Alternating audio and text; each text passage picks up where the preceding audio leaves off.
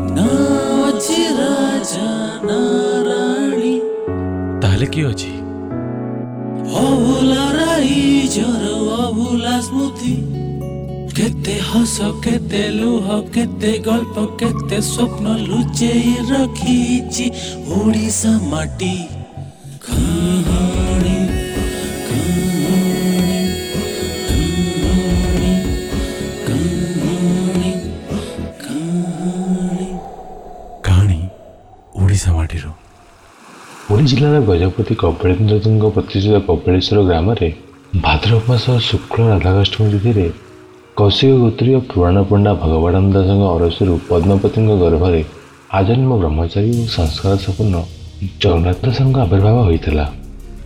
ସଂସ୍କୃତର ଅଗାଧ ବିପତ୍ତି ଲାଭ କରି ସେ ବେଦ ବେଦାନ୍ତ ସ୍ମୃତି ଖୋଳାପ ଦର୍ଶନ ଶାସ୍ତ୍ର ପ୍ରଭୃତି ପାରାୟଣ କରିଥିଲେ। ଶ୍ରୀକ୍ଷେତ୍ରର କଳ୍ପବଟ ମୂଳରେ ଭାଗବତ ଚର୍ଚ୍ଚା କରୁଥିବା ସମୟରେ ଅଷ୍ଟଦଶ ବର୍ଷରେ ଚୈତନ୍ୟଙ୍କ ସହିତ ତାଙ୍କର ସାକ୍ଷାତ ହୋଇଥିଲା। ଶାସ୍ତ୍ର ଜ୍ଞାନ ଓ ଭକ୍ତିରେ ମୁଗ୍ଧ ହୋଇ ଶ୍ରୀ ଚୈତନ୍ୟ ତାଙ୍କୁ ଅତି ବଡ଼ ଉପାଧିରେ ଭୂଷିତ କରିଥିଲେ। ପରେ ସେ ଶ୍ରୀ ଚୈତନ୍ୟଙ୍କ ନିର୍ଦ୍ଦେଶକ୍ରମେ ବଳରାମ ଦାସଙ୍କଠାରୁ ଦୀକ୍ଷା ମନ୍ତ୍ର ଗ୍ରହଣ କରିଥିଲେ। ତାଙ୍କ ଗ୍ରନ୍ଥମାନଙ୍କ ମଧ୍ୟରୁ ଓଡ଼ିଆ ଭାଗବତ ହିଁ ତାଙ୍କର ଅମର କୃତି ଏହା ବ୍ୟତୀତ ସେ ଓଡ଼ିଶା ସଂସ୍କୃତରେ ବହୁ ଗ୍ରନ୍ଥ ଲେଖିଛନ୍ତି।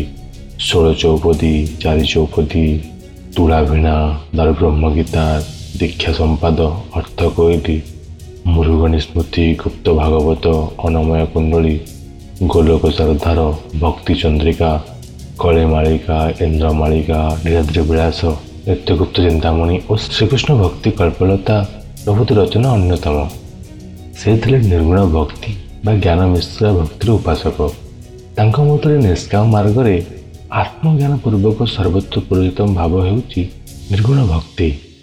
ସେ ଭକ୍ତି ମୂଳ ଆଧାର ହେଉଛି ଭାବ।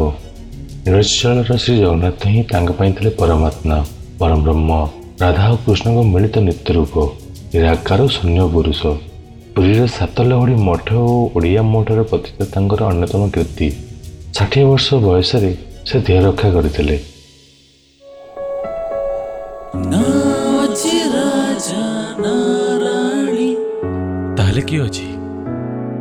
ଅଭୁଲା ରାଇଜର ଅଭୁଲା ସ୍ମୃତି। କେତେ ହସ କେତେ ଲୁହ କେତେ ଗଳ୍ପ କେତେ ସ୍ୱପ୍ନ ଲୁଚେଇ ରଖିଛି ଓଡ଼ିଶା ମାଟି।